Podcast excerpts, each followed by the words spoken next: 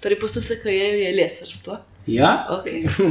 zato vem, ker smo se zadnjič pogovarjali, da, da so začeli zdaj večinoma govoriti um, lesarstvo, pa se nam je zdelo na robe, pa smo šli pa prej. Je tudi lesarstvo. Aha, torej oboje prav. Ja. Pozdravljeni, moje ime je Ana Slavec, to je 63. epizoda Meta Podcast. A, Nahajam se na biotehnički fakulteti na oddelku za lesarstvo. Z mano je mladi raziskovalec Davor Kržišnik. Zdrav, Davor, me veseli. pozdravljen. Sem prav izgovorila. Ne? Ja, kržišnik, Kržišnik. brez ija. A, Si mladi raziskovalec na katedri za patologijo lesa. S čim se ukvarjate, to je raziskovalna skupina? Um, ločeno imamo patologijo in zaščito lesa. Torej, najprej moramo poznati škodljivce lesne, to so gljive in insekti, um, ki jih pa poznamo, pa vemo, kako se pred njim zaščititi, je pa tisti del zaščita lesa. Torej, um, postopki, uh, obdelava in podobne stvari. In s tem se v bistvu tudi sam ukvarjaš v doktorski disertaciji, si doktorski študent na programu bioznanosti. In naslov tvoje disertacije je povezava med laboratorijskimi in terenskimi testi pri vrednotenju življenjske dobe lesa. Ali lahko na nek poljuden način razložiš, v bistvu, s, čim, s čim se ukvarjaš v doktoratu? Ja, torej, že nekaj let, od 4 do 9, potekajo uh, testiranja na našem terenskem polju, um, in že dobivamo rezultate um, iz teh testov, zdaj pa želimo um, jih ovrednotiti ali pa uh, primerjati z laboratorijskimi testi, ki so sicer krajši, in da vidimo, ali lahko podobne rezultate, oziroma celo enake, dobimo v precej krajšem času, precej cenej in če so primerljivi. Zdaj, v bistvu, ko rečeš življenjska doba lesa, ne? to ni zdaj v bistvu.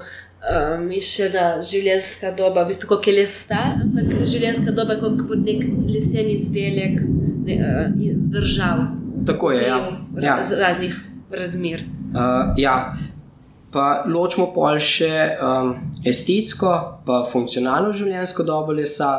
Estetska je tista, ki sicer jo ne moramo izmeriti, jo ne moramo določiti, zato ker je odvisna vsakega posameznika, uh, koliko časa mu je še izdelku všeč, da ga uporablja, da ga gleda, da živi ob njem. Funkcionalna je pa tista, dokler les še upravlja svojo funkcijo. Zdaj, med hipotezami, prebrala sem tvojo dispozicijo, pa ena izmed hipotez govoriš o tem, da les sivi in postane, postane moder, to je zaradi gliv. Ja, um, imamo um, biotske in abiotske dejavnike razkroja. Biotski so recimo insekti, gljive, uh, tudi človek. Uh, abiotski so pa dež, oziroma voda, zračna vlažnost, pa sončna svetloba kot zelo tak agresiven dejavnik. Prej, pred tem intervjujem smo se pogovarjali o tem, si da kot primer, recimo na veliki planini. Ne? Ja. So v bistvu te sive hiške, so sive zaradi Ja. te sončne svetlobe. Tako je, ja. pač les, um, les z leti postaja siv, dobi se reče neke vrste patino, ker običajno je les svetu, rumenka, starjavka. Večina starega lesa, izpostavljenega sončni svetlobi, pa postane siv. siv. Okay, ampak te v bistvu estetski uh, niso tako pomembni, bolj pomembno je v bistvu, da je les vzdržljiv. Tako je, ja. Traja. Um, kaj so zdaj tu neke meritve, uh, ki jih upravljate? Se pravi, na terenskem testu spremljamo oziroma merimo vlažnost lesa, merimo, kako se barva spremenja, pojav gljiv, razkroja. Um, na začetku, dokler se je lahko vizualno luč- ločil, a je pojav modril, pojav ples, nismo ocenjevali še to. Zdaj pa, ker je les že toliko časa zunaj izpostavljen, tega več ne moremo vizualno ločiti, smo pa nehali to ocenjevati. Se pravi, vse čas neka kombinacija med tem estetsko življenjsko dobo in funkcionalno življenjsko dobo. In uh, testiral si v bistvu različne uh, materijale. Ja. So v bistvu različne vrste lesa, ne vem, smreka, hrast, bukev in tako dalje. Ja, In pa različne postopke zaščite tega lesa. tako. Ja. Kaj so zdaj v bistvu te postopki? Uh, zaščitiš? smo štiri postopke zaščite, uh, ki se tudi komercialno uporabljajo. En je termična modifikacija lesa, ki se je tudi razvila, patentirala. Prav tukaj na delovni skupini za patologijo in zaščito lesa, to je postopek, kjer pri uh, visoki temperaturi, v odsotnosti kisika, les nekako spečemo um, ga kemično. Ampak ne zagori, ker ni kisik. Tako, tako zato odstranimo kisik, da ne pride do, do gorenja, se pa les uh, temno rjav barva. Um, Glive pa insekti ga pa ne prepoznajo več kot vir svoje hrane. -huh. To je en postopek. Drugi postopek je impregnacija z bakrovimi pripravki, torej v les vnesemo pripravke, fungicidne, insekt, um, fungicidne pripravke, zato da, da ga gljive ne napadajo. Um, potem imamo pa še dva površinska premaza, en je akrilni premaz na vodni osnovi s pigmenti, torej da, da, nek, da se barva manj spremenja. Uh, četrti, zadnji je pa um, impregnacija, oziroma ja, impregnacija lesa z uh, naravnim voskom, mutanskim voskom, to je pa stranski produkt pri um, proizvodnji lignita. In zaradi tega, ker je vosek, je vodo odbijajoč in se les ne naložuje, in zaradi tega se mu lahko tudi podaljša trajnost. In kateri od teh postopkov je najboljši? Oh. um, Zahtevno vprašanje. Ja, um, Verjetno odvisno za vsako vrsto lesa. Ja, pa odvisen je tudi zelo kaj gledamo, zakaj je boljši. Recimo, um, impregnacija z bakrovimi pripravki um, se v uh, stiku z vodo obnaša precej slabo. Ampak zaradi tega, ker je to fungiciden, pri, še vseeno ne prihaja do razkroja, ampak vlažnost lesa je precej višja. Uh mhm. -huh. Po drugi strani pa recimo uh, vosek zelo odbija vodo. Um, jo, um, in zaradi tega se pa les ne navlažuje in ne teže pride do razkroja, zato ker in glive in insekti za, za preživetje rabijo tudi ne samo hrano, ampak tudi vodo. Mhm. Aha, in če je v bistvu les tako suh, da vodi ni, v bistvu ga zapustijo. Se sploh ne naselijo. Drugih, z drugih pogledov, recimo, je pa recimo barvnih sprememb, se pa recimo termična modifikacija zelo lepo obnese, zato ker enakomerno sivi, zgublja barvo, ni, ni tistih velikih razlik med um, na istem kosu lesa in počasneje sivi. Uh, enakomerno je zato, zato mogoče naše oko tega ne zazna kot moteče, čeprav spremeni barvo, pa v daljšem časovnem obdobju kar precej. Torej, v bistvu izbira, katera metoda zaščite lesa se bo uporabljala, je tudi je odvisna torej, od nekega pač podnebja, kakšne vlaga v zraku, verjetno v nekih tropskih krajih. So druge rešitve kot pri nas. Tudi, verjetno, če kupimo kakšen lesen spominek, ja. nekje na Tajske, ko ga prinesemo domov, verjetno razpokal, kaj takega. Ja, tudi to so primeri, zato ker se lahko prehitro vlažnost spremeni, les. Uh, se z vlago na breka ali pa krč, pri sušenju se krči, pri navlaževanju na breka. Um, ampak recimo tropske lesne vrste imajo višjo trajnost, so bolj obstojne. Mi pa primerjamo naše slovenske Aha. lesne vrste. Torej, to je raziskava, da se fokusiraš predvsem na naše. Na naše. Ja, ja, ja. Nimamo, nimamo tujih lesnih vrst, zato ker recimo transport je problematičen, uh, sekanje, žaganje tropskih lesnih vrst vsi o tem govorimo, da je prav zdovi so pljuča zemlje. Mi imamo pa precej veliko te surovine na domačem pragu, ki pa sicer ni najbolj trajna, ampak ji pa znamo podaljšati življenjsko dobo.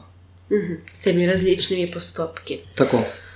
Ena izmed tvojih hipotez je, da tudi da slaba impregnacija ne vpliva značilno na življenjsko dobo lesa, ki je v stiku z zemljo. V bistvu les v stiku z zemljo, to je vedno, da so kašni koli zapičeni v zemljo, kaj takega. Ja. A lahko to malo bolje razložiš? Um, ja, impregnirali smo tri različne lesne vrste. z bakrovim pripravkom, ki se ga tudi komercialno da kupiti, dveh različnih koncentracij, in, sprem, in smo jih zapičali v zemljo, in zdaj vsako leto testiramo, ali je še dovolj mehansko stabilen les, recimo, da, ma, da se ne zlomi ob testiranju. Ampak problem teh bakrovih pripravkov je, da se tudi izpirajo zaradi vode. Če pa še postopek impregnacije slabo upravljen, pa nimamo dovolj bakra in v bistvu pol nismo nič naredili. Smo recimo surovino podražili zaradi postopka, um, ampak mogoče pa nismo pa naredili tistega, ja. kar smo obljubili. Recimo zdaj je bila upravljena magistrska naloga, ki je študent šel po trgovinah, vseh teh. Um, Ne vem, lahko govorim. Ja, ja, ja, Merkur, obi in podobne. Um, in je kupil z bakrovimi pripravki impregnirane kole, ja, kjer smo jih testirali po standardu, ki obstajajo, in niti en kol ni dosegel tistega standarda, ki bi ga mogel. In so potem ljudje razočarani, oziroma je nekaj prodajalci obljubljajo, realnost je pa drugačna. Mhm. -huh. Torej, v bistvu težave bile tem, da so bili slabo impregnirani. Ja. Mhm. -huh. Prej si dal eno lepo primerjavo te impregnacije, si v bistvu primerjal z jabolki, les z jabolki, uh, da je primerjavo les. Ja, ja, ja. Um, to je sicer um, bolj kako si lahko predstavljamo, kako les lahko stane obstojen, ne obstojen um, da ustane. Uh mhm. -huh. Recimo, ustane. Okay. Se pravi, lahko drevo posekamo, ga posušimo, razrežemo na plohe in mu odstranimo vodo. Suhi krkli. Ja, če primerjamo to z izjavo, ki naredimo suhe krkle. Pa če ne pride voda zraven, bo to trajalo. Uh mhm. -huh. Po drugi strani pa lahko les močno prepojimo z vodo, oziroma skuhamo kompot jabolčni in se zaradi tega ohrani. Zato imamo tudi na Ljubljanskem barju, kjer je zemlja, kjer je močvirna ta zemlja, um, ni kisika v, v teh plasteh, ustane veliko arheološkega lesa, koliščarjev in pa tudi to najstarejše odkrito leseno kolo uh, z Ljubljanskega barja, ki je staro 5200 let. Vse je v bistvu ohranjeno v obliki kompota. Tako, ja. Okay, um, ja, zdaj pač tako, na podlagi naslova, v bistvu glavna, v bistvu tvoja pač fokus je primerjava teh laboratorijskih metod in metod teh običajnih merjenja. In kaj si recimo ugotovil, so primerljive? Um, ja, kaže, kaže se, da določene kombinacije različnih testov dajo zelo dobre rezultate, kar pa pomeni, da lahko kar precej skrajšamo testiranje novih materijalov. Problem je, da imamo pri zonalni izpostavitvi cel spektr izpostavitve. Imamo UV obsevanje, imamo dež, imamo meglo, visoko zračno vlažnost. Vsega tega ne moreš kontrolirati. In tega se ne da, ne da simulirati vse v laboratoriju. Uh -huh. Lahko se pa osredotočamo na posamezne komponente tega in z različnimi kombinacijami nekako simuliramo, ali pa relativno dobro primerjamo potem um, rezultate. Zdaj, to raziskovalno delo traja um, že nekaj let, ampak veste, kakšni so pa zdaj rezultati, oziroma kakšne rezultate pričakuješ do konca do, do, do, doktorata? ja, um, rezultati so večinoma zdaj v Excelih in zdaj obde, smo v postopku obdelave, pisanja člankov pokazali se nekaj zanimivih stvari, pa, bo pa glavni rezultat, bo recimo nekaterim novim materialom bo določena predvidena življenjska doba lesa, torej od izpostavitve, koliko časa lahko pričakujemo v letih, recimo, da bi se ta material zunaj v hranu, v mesu, še upravljal svojo funkcijo. In pa v bistvu dru, druga stvar, ki je pa pomembnejša, pa to ravno primerjava laboratorijskih, terenskih testiranj, za skrajšanje testiranj. Recimo, če se že v laboratorijskem procesu testiranja izkaže, da ni to to, kar želimo, lahko hitreje delamo izboljšave, ne pa da les izpostavimo ven. testiranje traja 4, 5, 6, 10, 30 let, pa dobimo rezultate, ki jih nismo želeli, in se zaradi tega, in bi potem šele zelo pozno začeli spet popravljati napake ali pa izboljša, delati izboljšave. Pri teh raziskavah tudi kaj sodelujete s kakšnimi um, z industrijo? Sveda, zelo dobro sodelujemo z um, Silva produktom uh, na Igu. Oni zdaj v bistvu komercialno proizvajajo postopek Silva, Silva, Silva Wood. Mislim, da um, to je termična modifikacija, Silva Cera je impregnacija zaščita z voski in pa delajo silvanolin, um, bakrov pripravek za zaščito lesa. Vse, vsi ti postopki so bili razviti tukaj, oni jih pa zdaj komercialno uporabljajo. Se uporabljajo že tudi v tujini? Uh, vse.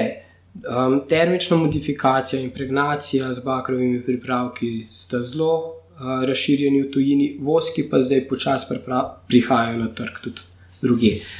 Mogoče različni voski, um, pa različni postopki termične modifikacije, ampak to je, to je znanje, ki je bilo razvito tukaj na oddelku za lesarstvo, pa se zdaj tukaj. Ste ga tudi v bistvu patentirali tukaj? Ja. Um, sodelujete tudi s kakšnimi inštitucijami v tujini? Ja. Februarja sem upravil STSM, Short Term Scientific Mission, v okviru Cost Action, um, kjer sem šel na Norveško za tri tedne, kjer smo um, s podatki, ki jih dobivamo tukaj, sprememba barve, vlažnost lesa, vremenski podatki, poskušali narediti model spremenjanja barve lesa po različnih um, izpostavitvah, sever, jug, vzhod, zahod, terasa. Um, ker mi tega tukaj ne znamo, ne znamo modelirati, nismo najboljši matematiki, sem šel pa na inštitut za matematiko in smo naredili um, modele za načrtovanje barvnih sprememb. In se zelo dobro ujemajo modeli z, z meritvami, ki smo jih tukaj upravljali. Čas, da gremo na ta končni sklop vprašanj, ki jih postavimo vsakemu intervjuvencu. Prvo vprašanje se nanaša na tvojega mentorja, za katerega moram povedati, da je tudi poslušalec podcasta in te je tudi on predlagal kot gosta. Um, to je profesor profesor dr. Miha Humar. In ali lahko poveš kakšno anegdoto povezano z njim? uh, ja, mogoče eno iz študentskih let, uh, ko sem bil še, mislim, na študent na prvi stopni, um, je bil še on asistent, uh -huh. nas je imel vaje uh, in je rekel, da kdo ne bo šel na nabrucovanje, ki je bilo v četrtek, vaje smo imeli v petek, da bo naslednji dan mogel pisati kolokvij. Ena, ena uh, kolegica uh, ni šla in je edina res mogla pisati. Pol tisti kolokvij, ostali smo pa bili zaradi tega prosti. No, torej se je držal tega, kar je. Ja, seveda, pod, zelo podpira uh, zabavo, neformalno druženje, Okay. Kako so se pa tvoja a, pričakovanja o doktorskem študiju spremenila od tistega dne, ko si začel do danes?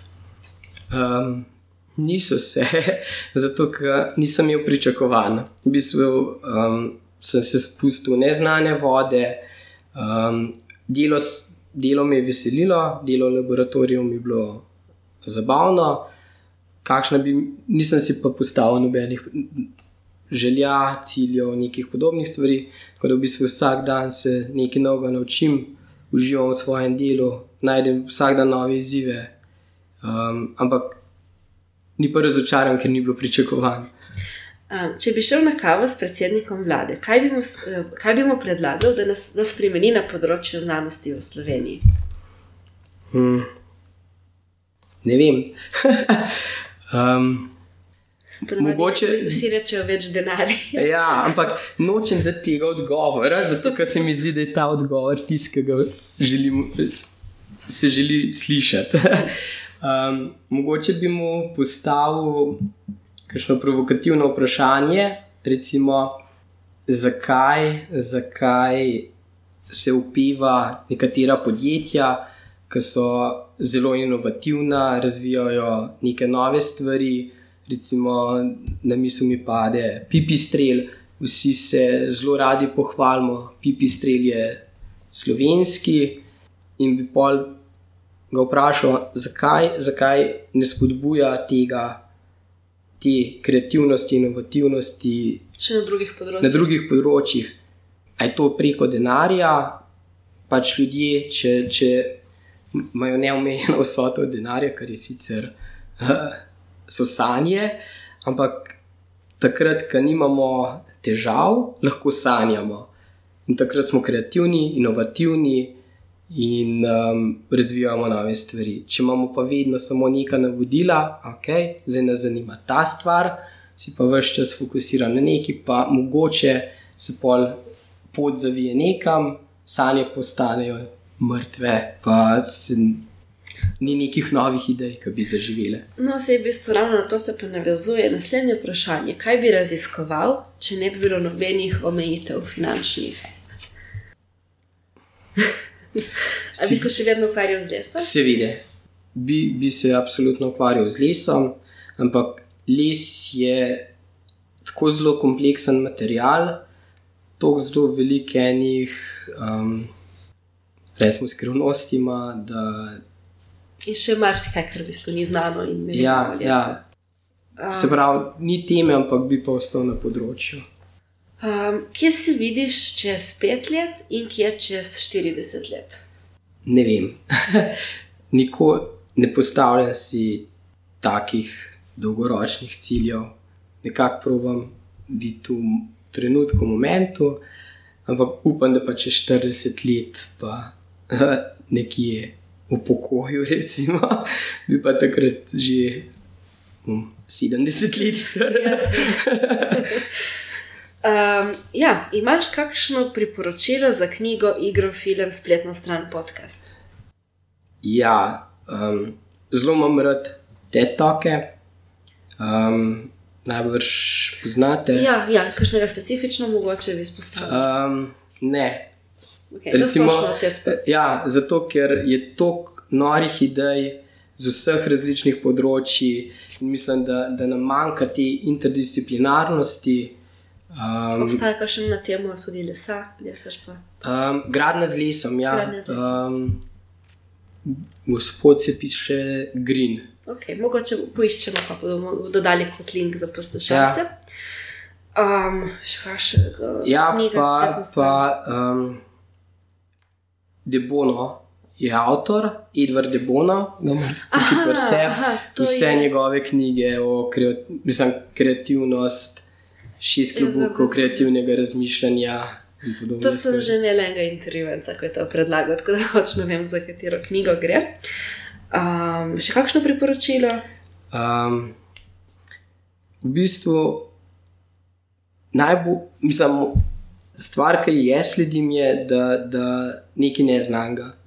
Zato, ker, da se nekaj novega naučiš, da nekaj novega zveš, da se ti še malo spektr poveča, ki ga vidiš, pa ponavadi bolj je neznan, um, boljši je, zato ker se ti mindset spremenja. In sva pri zadnjem vprašanju. Um, s kom bi šel na večerjo, če ne bi bilo nobenih omejitev? Torej, lahko je znana ali neznana oseba, živa, neživa, kdorkoli. Mogoče drug del, zelo velik del mojega življenja je taborništvo. Um, in mislim, da, da bi, ker mi zelo ogromno dal, ne moram povedati, koliko stvari mi taborništvo dal, koliko sem na, na stvarih, ka, zaradi stvari, ki jih taborništvo nudi.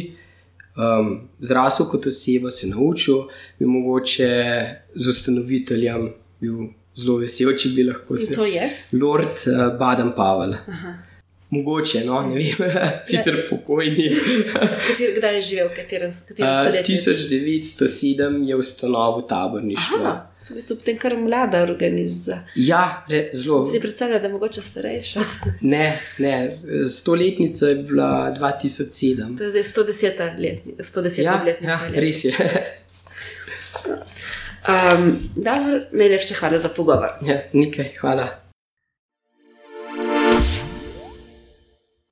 Poslušali ste Meta podcast. To so pogovori z doktorskimi študenti in študentkami z različnih področji znanosti.